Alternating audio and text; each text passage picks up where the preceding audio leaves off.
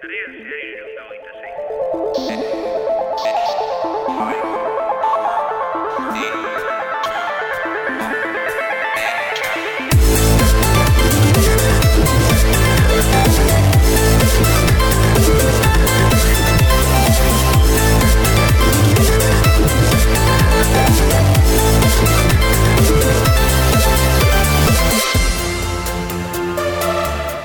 Arratsaldeon ongi etorri guztioi, gaur oso programa berezia daukagu, alde batetik 2008an eta 2008 batan eman ez den egoera batean e, gaudelako. Gaur ez gaude gure estudioan, normalean bezala, e, kasu honetan Euskal Podcastin elkartearen gonbidapenari esker, Ibaiondoko udal barruti zentroan gaude burtsaren e, izan zen eraikinean. Hemen duela minutu batzuk elkartea aurkeztu da, eta oso harro gaude podcastina zabaltzeko edu izateko gonbidatu gaituztela. Ez dakitze ez egin duten, baina bueno, oi, e, gonbidapena hor lusatu digute. E, aurrera goitzengo dugu elkarteari buruz, e, bestalde gaurkoa programa berezia da ere gure e, saioko, e, bueno, gure urteko azken programa e, delako. Abonetan altxeden alditxo txiki bat hartuko dugulako. E, benetan diotxo, kasualitatea izan dira. Ez dugu prestatu urte bukatzeko programa berezirik, baina horrela e, suertatu da. Beraz gaur balantzea egitea eta aurten izan dena errepasetzea e, dagokigu. Hori esan da, eskerrik asko etortzeagatik, urren gorduan teknologiari buruz pizka bat hitz egingo dugu. Ongi etorriak, hemen hasten da, sarean zehar.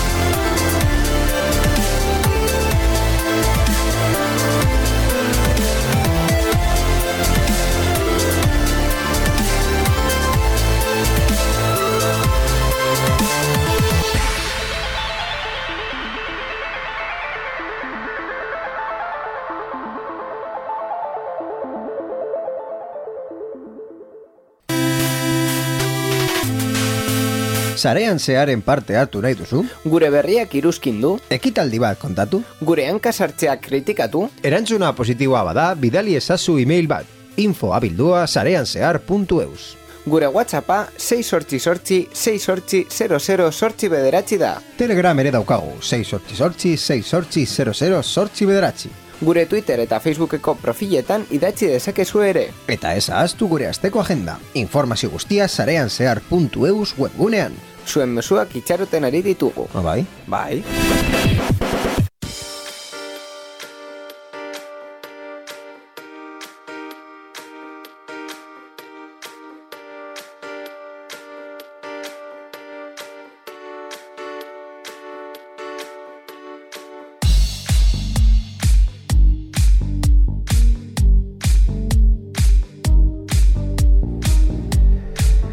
Ba, esan bezala teknologiari buruz pizka bat itzengo dugu sarean zehar eh, honetan eta horretarako beti bezala ez nago bakarrik e, ni nago sendino naiz uste dut ez duda esan eta nire alboan hemen beti bezala dago Borja Arbosa, Arratsaldeon.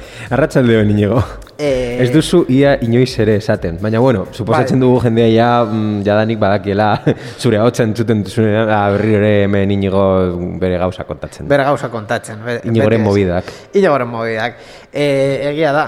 Ba, e, grabaketa baino lehen galdetzen zenuen zenbat e, hilabete dara matzagu hau egin gabe, Uf. ba, 2008 osoan ez genuen egin, Ez? e, zuzenezko bat antoratzea eta 2008 batean, ba, justo urtearen azken hilabetean tokatu zaigu, Txiks. kasualitatez, baina, bueno, hori hori izan da. Eta hasieran esan dudan ere, e, ekitalde honetan gaude kasualitatez. E, mm, urtearen azken programa, ba, estudioko programa bat izan behar zen, baina Zorionez, e, Euskal Podcast elkarteak gonbidatu gaitu e, programa hau egitera beraz eskertzen diegu e, Gogoratzen dut, ze, ze denboraldia izan zen, zazpigarrena, sortxigarrena ez denboraldi horretan egin genuela ez daki zenbat e, programa e, estudio kanpoan. Sarean zehar on the road. bai, sarean zehar on the road, hor, Bai, bai, bai, e, bai. izena jarri genion denboraldi horri.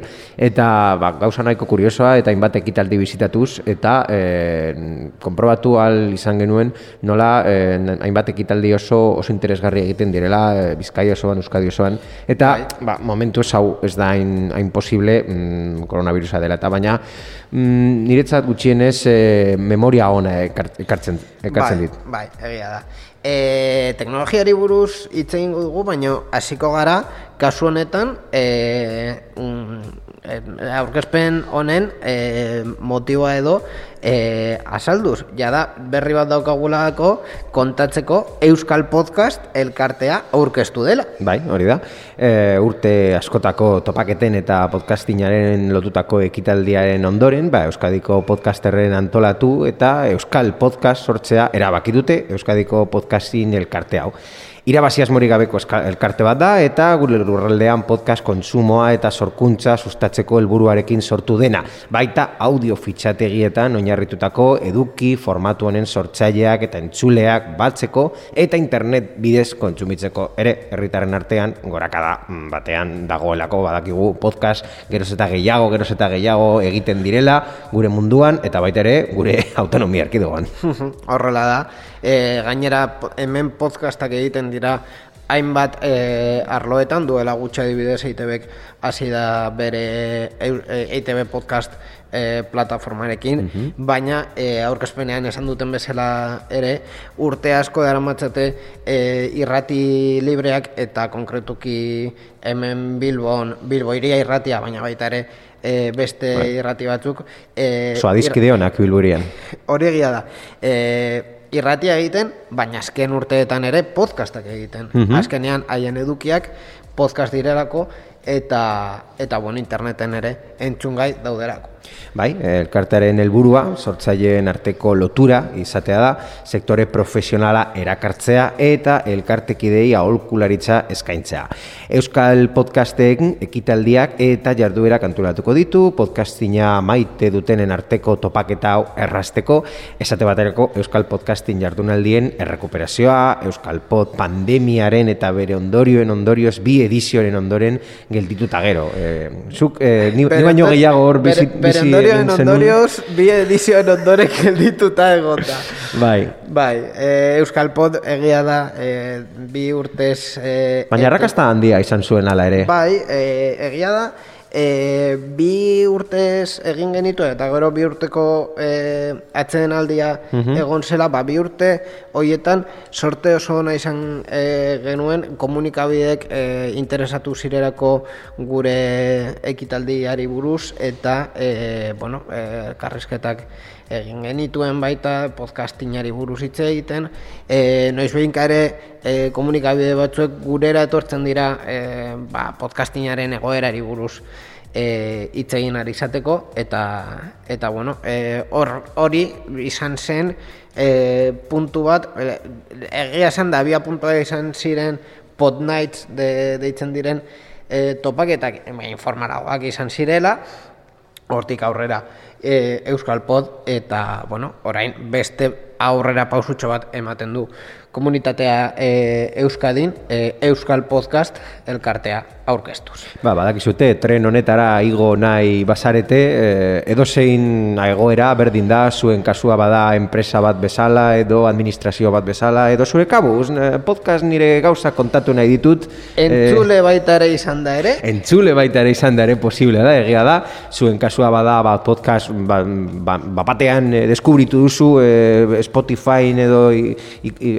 aurkitu duzu zer, zer da hau eh, podcast jartzen duela, ez dakit zer den, eta Bai. zertarako balio da, ba, horretarako aholkularitza behar baduzu, ba, baita ere eh, Euskal Podcast zure elkartea izan daiteke. ba hori da. E, informazio gehiago nahi baduzue, euskalpodcast.eus da webgunea baita ere izen emateko eta arpidetzeko.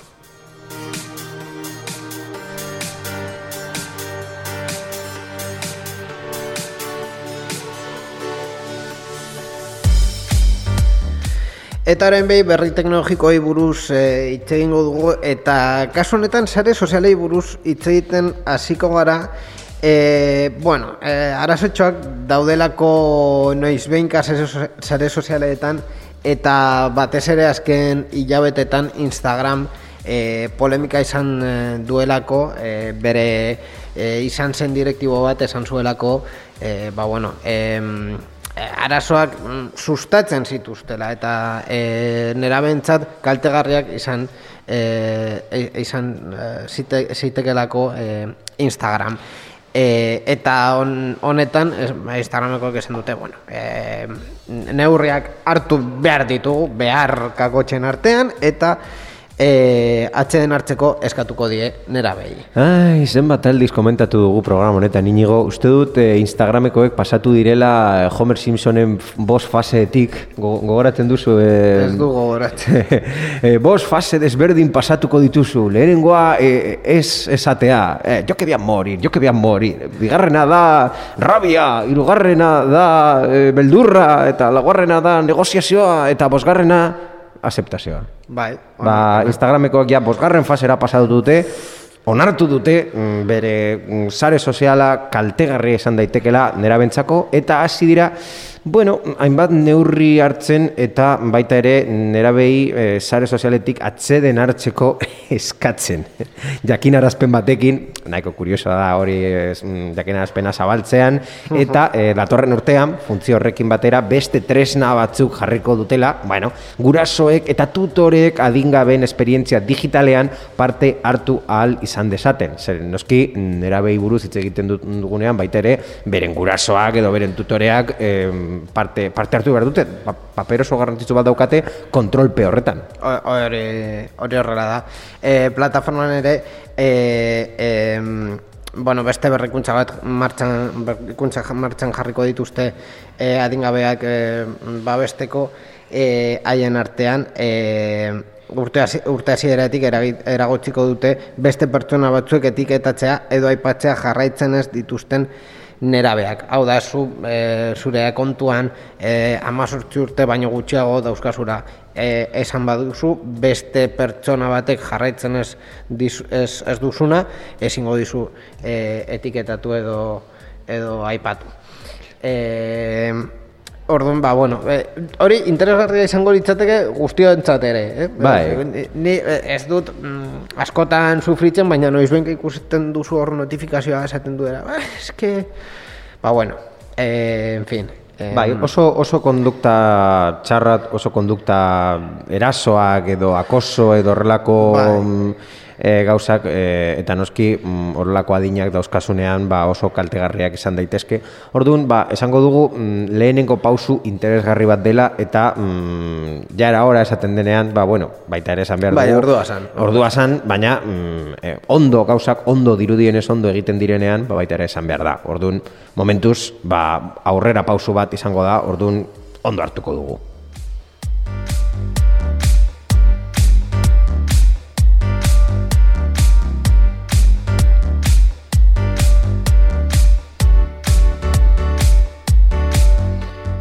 Beste sare sozial bati buruz hitz egingo dugu ere Twitter arazoak izan dituelako eh, kontu batzuk eten dituzterako salatek, salaketa maltzurren ondorioz. Ai, salaketa maltzurra, babai, Twitterrek aitortu du akatz baten ondorioz, eten dituela salaketa koordinatu eta maltzurren biktima izan diren erabiltzaile batzuen kontuak. Eta irudi pribatuei buruzko politika berriari jarraitu diola bertan agertzen den pertsonaren baimeri gabe. Dakigunez, e, Twitterren politikaren arabera, zuk norbaiten e, irudia igotzen badu baduzu, argazki bat igotzen baduzu sare sozialean, pertsona horrek esan dezake, e, e, e, hau e, nire e, argazki bat da, hau da nire irudia, eta nik ez du kontsentimendu edo baimenik eman nire irudia hor egoteko. Eta noski, Twitterrek hor e, ba, bertan bera botatzen du e, bai argazkia, baita ere akontua, akontua suspenditu edo edo esabatu daiteke, baina arazoa da sistema hori ez dagoela oso guztiz ondo eginda. Eta mm, baita ere kasu kontrakoa mm, bueltatu daiteke, hau da, pertsona askok e, baita ere bullying no, no, egiteko e, salaketak e, masiboki egin dezakete akontu baten kontran horrelako argudioak emanez, eta Twitterrek mm, lehenengo momentuan mm, masiboki denuntziak jasotze, jasotzerakoan, ba, akontua suspenditzen du edo kentzen du, eta gero ikusten du eta investigazioa eginez gero e, ikusten du ez dagoela arrazoirik, baina pertsona hori ba, mm, nahi nahi gabe ba, e, aurkitu duela bere akontua mm, suspendituta. Bai, e, konpainiak bai estatu du e, akatza izan dela e, eten dituztera helburu maltzurrekin koordinatutako salaketen biktima izan diren erabiltzaileen e, kontu horiek baina gainera e, e, kontua edo mamia da e, ez dela e, atake koordinatu bat mm edo norren edo zin taldearen baizik eta talde horiek konkretuki e, bide politikoa daukatela Bai, bueno, kasu honetan izan dira eskuin muturraren aurteko aurkako barkatu kasetariak. Baina, bueno, hori mm, gauza konkretu bat da, ba, beste kasu askotan izan daiteke aldrebez. Gauza da hori ez gertatzea, hori ez egitea eta sistema hobetzea, noski. ba, horrek esaten du Twitterrek, e, ba, bueno, e, hobetuko dutela sistema. Egia da, arazo ez dela sistema horretan e, saraketa faltzuak sartzea, baizik eta sistema horretan e, izan, faltzuak izan diren saraketak detektatzen direnean, e, askar konpontzea e, arazo. Eta, ondorio bat izatea, edo nor ezin, ezin daitekela horrelako mm, salaketa faltsu bat eman, eta ez ere zer gertatzea. Hau da, zu salaketa bat egiten baduzu, baita ere pixka bat mm, arduradun e, e, egin berzara salaketa hori faltsua bazen. Bueno, ba, ba hori da azkenean Twitterrek e, hartu duen bidea kasunetan.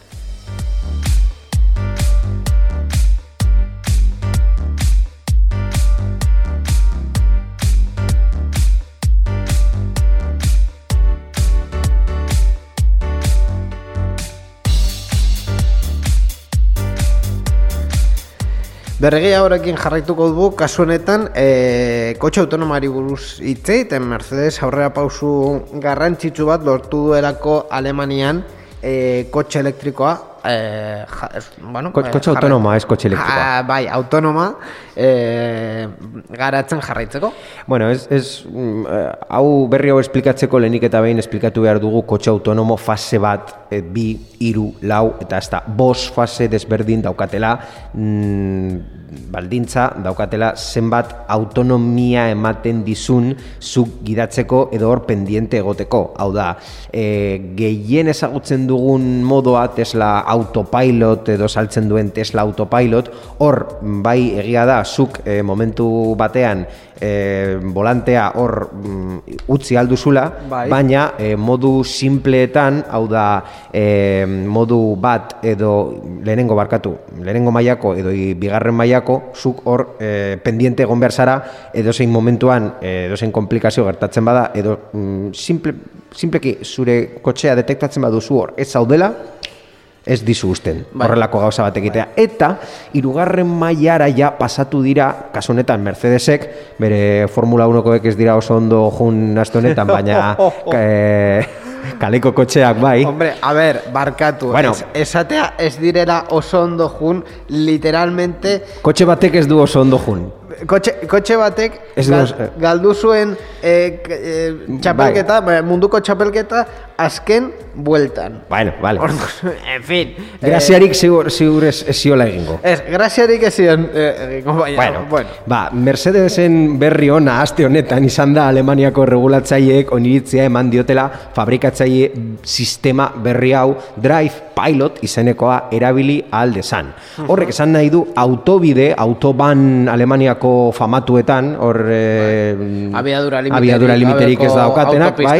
Ba, trafiko handia e, dagoenean eta abiadure kopuru hori gainditzen ez dutenean, sistema hori duten Mercedeseko autoen gidariak trafikoa astu eta bigarren mailako jarduera jakin batzuetara bideratu ahal izango direla. Adibidez, autoa egindako bulego hau lankidekin komunikatzea, mezu elektronikoak idaztea, interneten nabigatzea edo erlaxatzea eta pelikula bat ikustea. Hau da, ja mm, gidaria mm, gi- gidatzea e, bigarreneko mailako tarea bat bihurtzea. Bai, e, hori da, e, irugarren mailako e, e, bueno, gidaketa autonomoa esaten dena, ja, ez dela behar hor egotea presente e, bere arretarekin egun bidereun. Arretarekin egun bidereun. Presente bai, baina arretarekin egun bidereun, ez. E, egia da baita ere, e, ez dela lehenengo fabrikatzelea, adibidez, Honda Japoneako erregulatzeleen baimena izan zuen 2008an bere sistema, ibilgailu kopuru mogatu batean probatzeko, eta e, Waze, Googleeko e, enpresa ere, e, herri batzutan e, mantentzen duela taxi zerbitzu bat, non ez da ja irugarren mailakoa baizik eta uste dut laugarren mailakoa dela, e, kotxa bera e, mm, bide batzuk egiten dituztela, e, di- dituela e, gidaririk gabe. Bai, baina hori inor, hor. zirkuitu itxi bat bezala kudeatzen dute, hau da ez da guzti sistema Bueno, basik zir- eta... Zirkuito itxi bat, baina hor sartu eta eta kentzen dira e, edozein kotxe eta azkenean hiri baten Bai, bai, bai, bai. mailan egiten da. E, e, egin daiteke, egin daiteke, baina Ege- kasu honetan ja ez dute zirkuitu itxirik, baizik eta zuk mm, zure kabuz kotxea izan da eta ja edonon, bueno, edonon ez eh, Alemaniako Alemania- autopistetan. Korrekt, Lehenengo pausu interesgarri bat da eta ikusiko dugu etorkizunean zenbat konpainia mm, garatzen dituzten beren sistemak eta lortzen dituzte honelako eh, onarpenak beren sistemetan. Claro, ikusiko dugu urteak eh, aurrera egin ara ere. Tesla besteak beste oraindik ez du lortu. Te- Teslak adibidez oraindik ez, ez du lortu. E, baina ikusiko dugu ere, e, gero eta gehiago, e, zure kotxea e, gauza batzuk egin aldu duela Alemanian, Espainian ezin duena egin. E, hau gertatzen da adibidez, gaur egun AirTag, Appleko AirTag e, lokalizatzaileekin, uste dut dela e, Ego Korean eta Australian ezin direla erabili, haien legeak ez, ez dutelako e, onartzen horrelako lokalizazio erabilerak. Ba, ikus, nik uste dut e, auto, automozioan horrean ikusiko dugula gero eta gehiago e, kotxea zerbitzu bezala, eta e, nola zu e, kotxe baten jabea izan da ere e, gauza batzuk egin ahalko dituzu e, leku batzutan eta beste lekuetan ez eta nora ere e, aldatuko dela zure kotxearen ezaugarriak gero eta urteak e, e, bueno, Horrela da bai, zorionez edo zoritxarrez kasu askotan mugak ez du teknologia jartzen baizik eta araudiak. bai.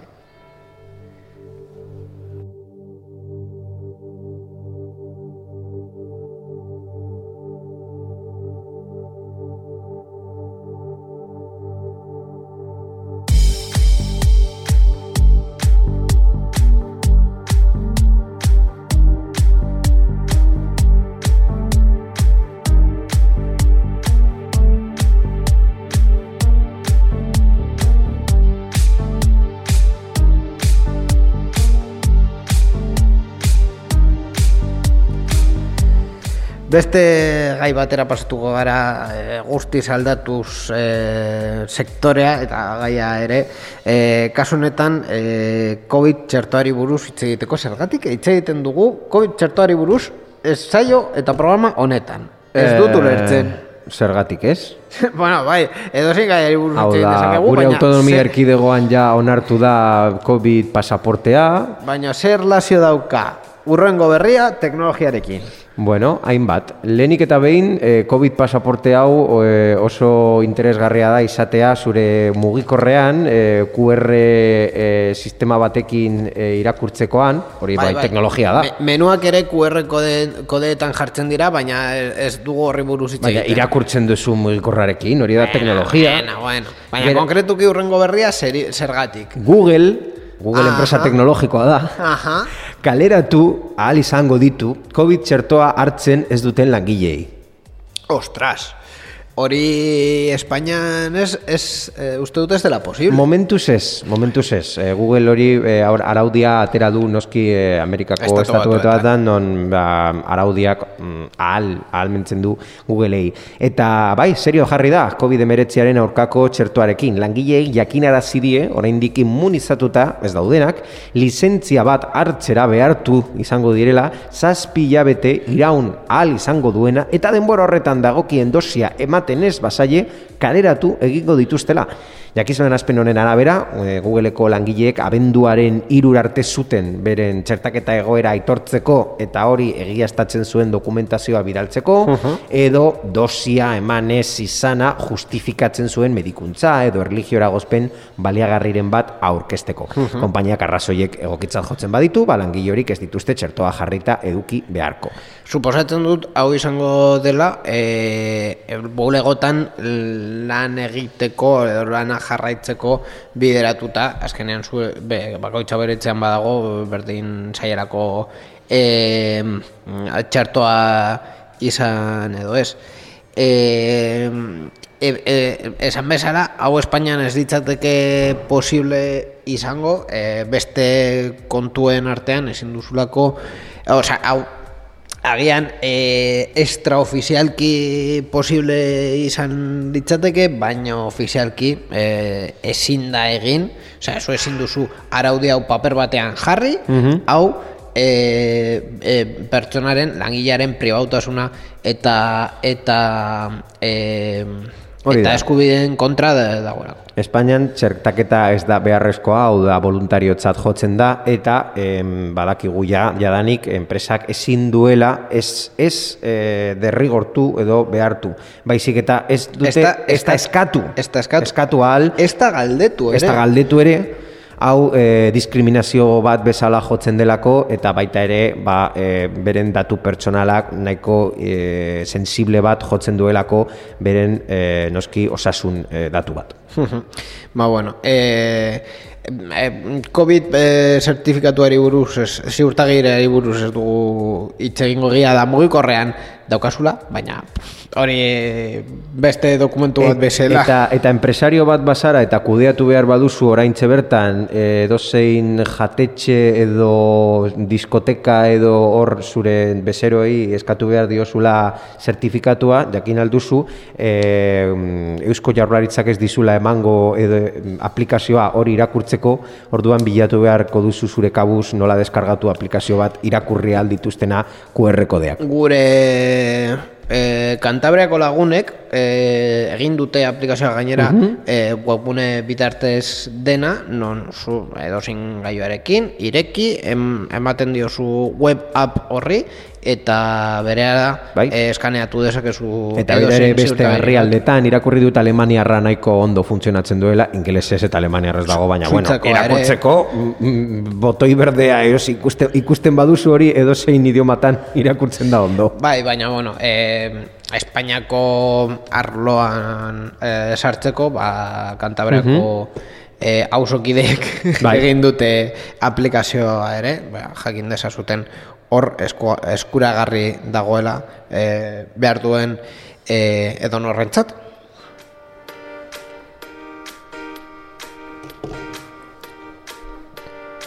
Beste kontu batzuk estaliko ditugu, e, kasu honetan bosgeari buruz e, hitz egiteko, a, ez dugu Europar batasunen sintonia jarriko, baina ez dakit, benetan ez dakit zergatik. E, hau e, izan leikelako, Nahi, nahi, jarri nahi duzu?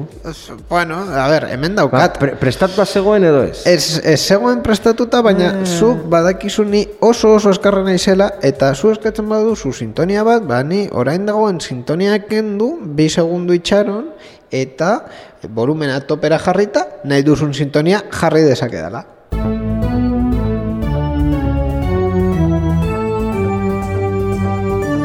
Europar batasunaren berria. Sarean zehar.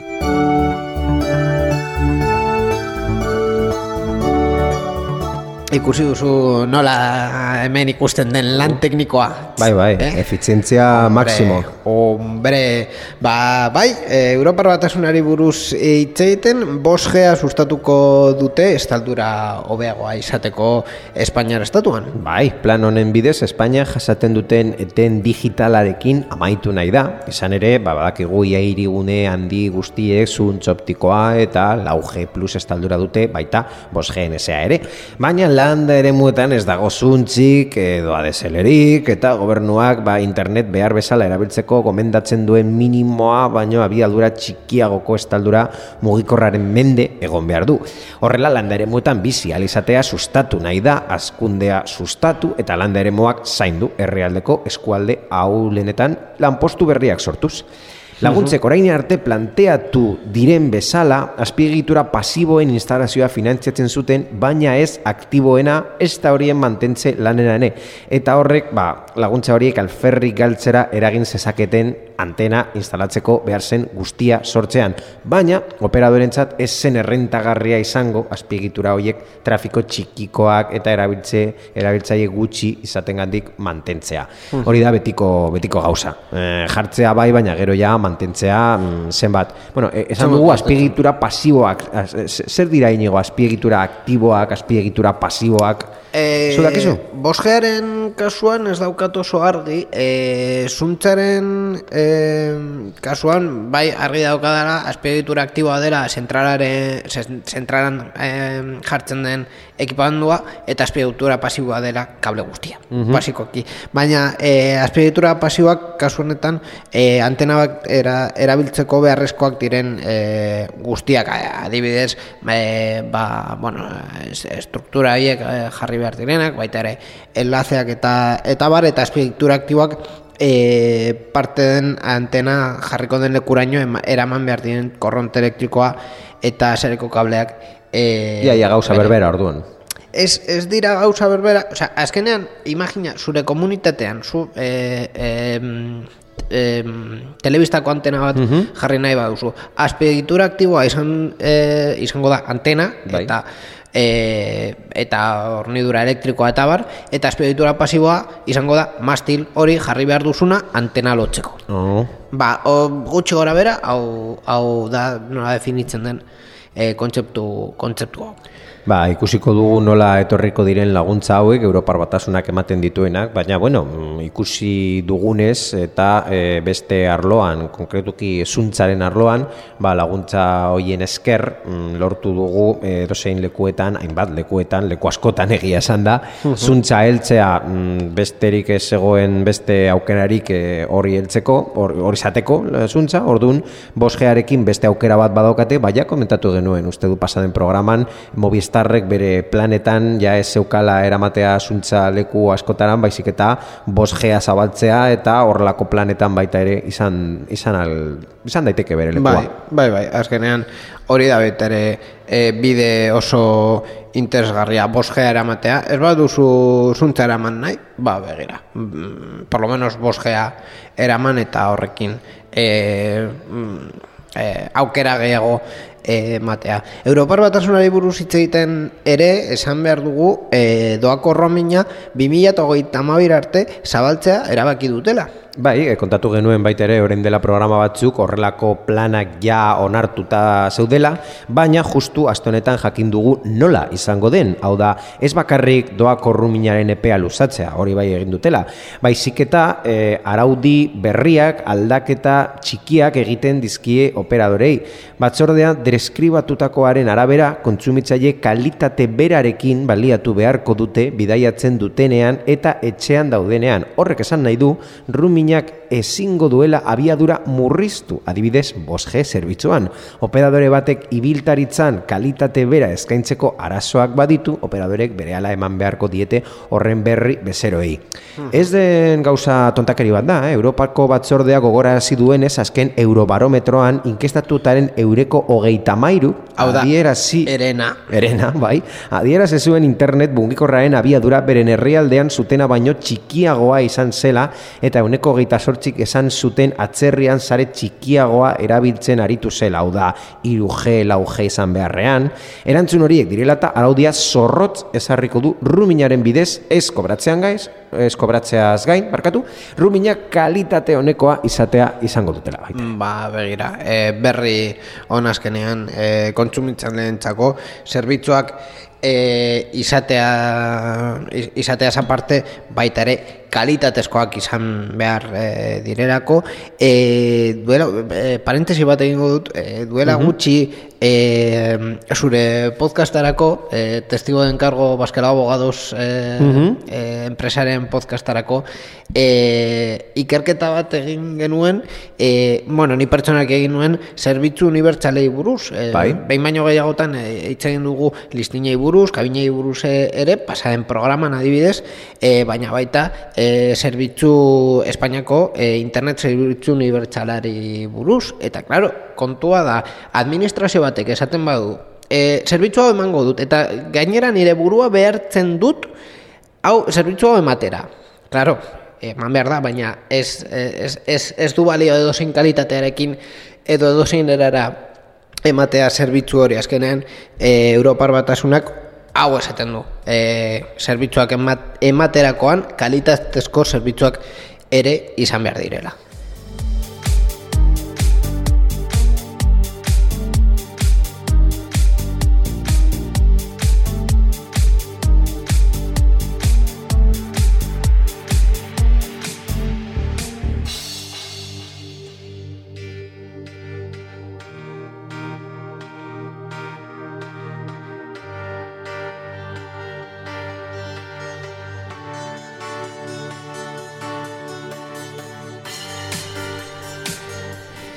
Eta berrienetararen azken, eh, bueno, azken berria izango da titulol. Eh, gure, Beti da, gure, gure publikoaren artean eh, agian eh, azaldu beharko genuke zer den titulol, baina hori hasieta eh, hasi baino lehen eh, kontatu behar dugu, azken berri normala, dela Googleek Android jokoak Windowsera eramango dituela eh, aplikazio berri baten bitartez. Bai, Googleek zure PC-ko Android jokoak nahi ditu e, datorren urterako eta Google Play Games izango da sarrerako ateetako bat.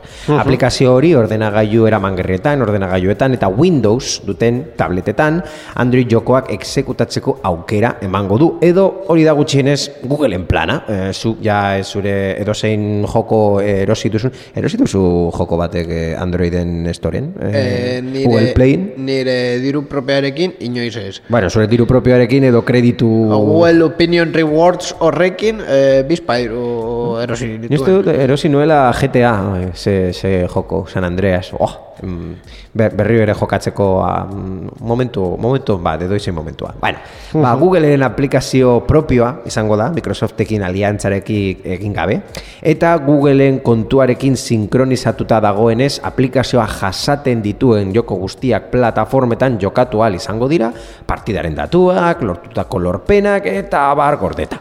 Kontua da Googleek ziurtatzen duela aplikazioa Windows amarrerako eta Windows amaikarako iritsiko dela. Eta Windows amarrek Android aplikazioak exekutatzeko aukera ere ematen duela. Datarik itxita ez badago ere, 2022ko uneren batean app honen edapena ikusten hastea espero da. Bueno, ba, interesgarri. Eh, Promesa, promesa ikusiko dugu non, Bai, nondik bai, ateratzen bueno, dena hau. Ikusiko dugu, baina, bueno, eh, printzipioz Google esan badu, eh, ba, bueno, bere jokuak eh, ordenagailuetan, gainera, ordenagailu asko, azken boladan ARM eh, arkitektura erabiltzen dute, mugikorrek bezala, orduan, erraz daukate eh, itzulpen hori eh, egiteko. Eta guztia kontatuta, guazen titulolera.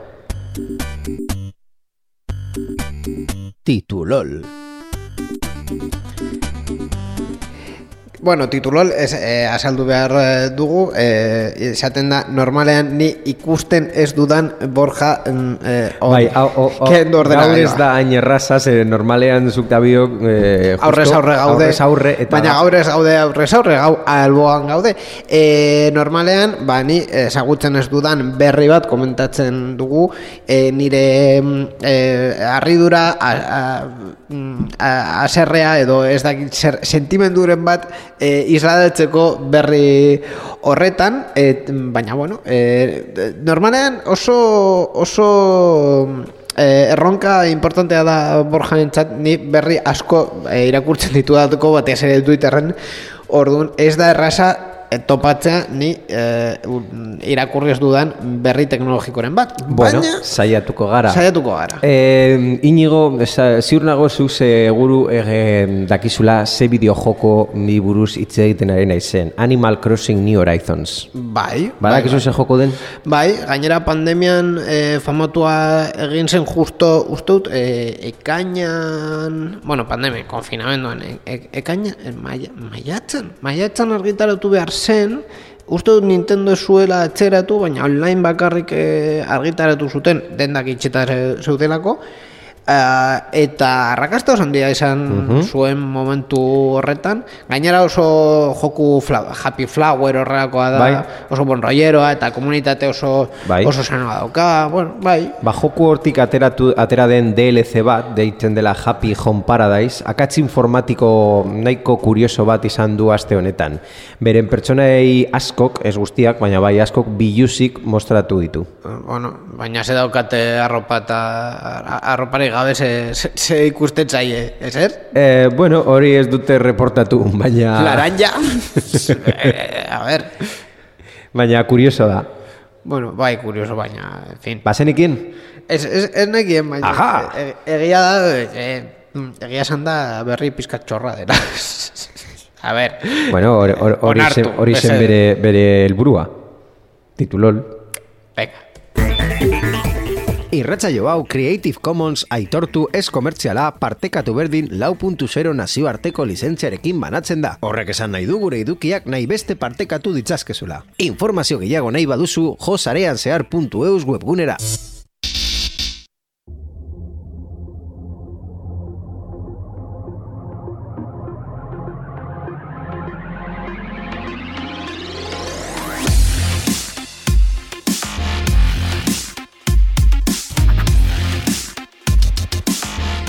Ba, titulo honekin, eh, onaino, heldu da sarean zehar irureun eta hogeita zei hau, eh, zuzenean grabatu duguna, eh, hemen bortzako, bortza izan zen eh, eraiki honetan, eh, Borjar Bosa, eskerrik asko lehenik eta bain, eh, ona etortzeagatik, sarean zehar hain politori honi, hau egiteagatik, eta e, eta berriak ekartzeagatik ere. Urtearen azkena, ez da? Bai, e, momentu honetan esan behar dugu egu berrion, urte berrion, eta bar, eta 2008an ere, e, sarean zarekin jarraitzea espero dugu, beraz, 2008an, e, hemen, bueno, hemen, hemen konkretuki ez, estudioan ikusiko gara berriz. Ba, horrela izango da. Urte berrion eta egu berrion eta urren urtera arte. E, eskerrak eman behar diogu ere Bilboko udalari, e, e, infrastruktura eta leku hau e, mateagatik, baita ere Gorka Artaza, Roberto Ruiz Sánchez eta Euskal Podcast elkartearen talde guztiari grabakea eta hau posible egiteagatik. Eta beti bezala ere, e, Mikel Carmonari berrikuspen teknikoan egondelako eta erratian dauden ekoizpen eta teknikari taldeei e, eskerrak e, programonen emisioa ez delako posible haien lanarik gabe.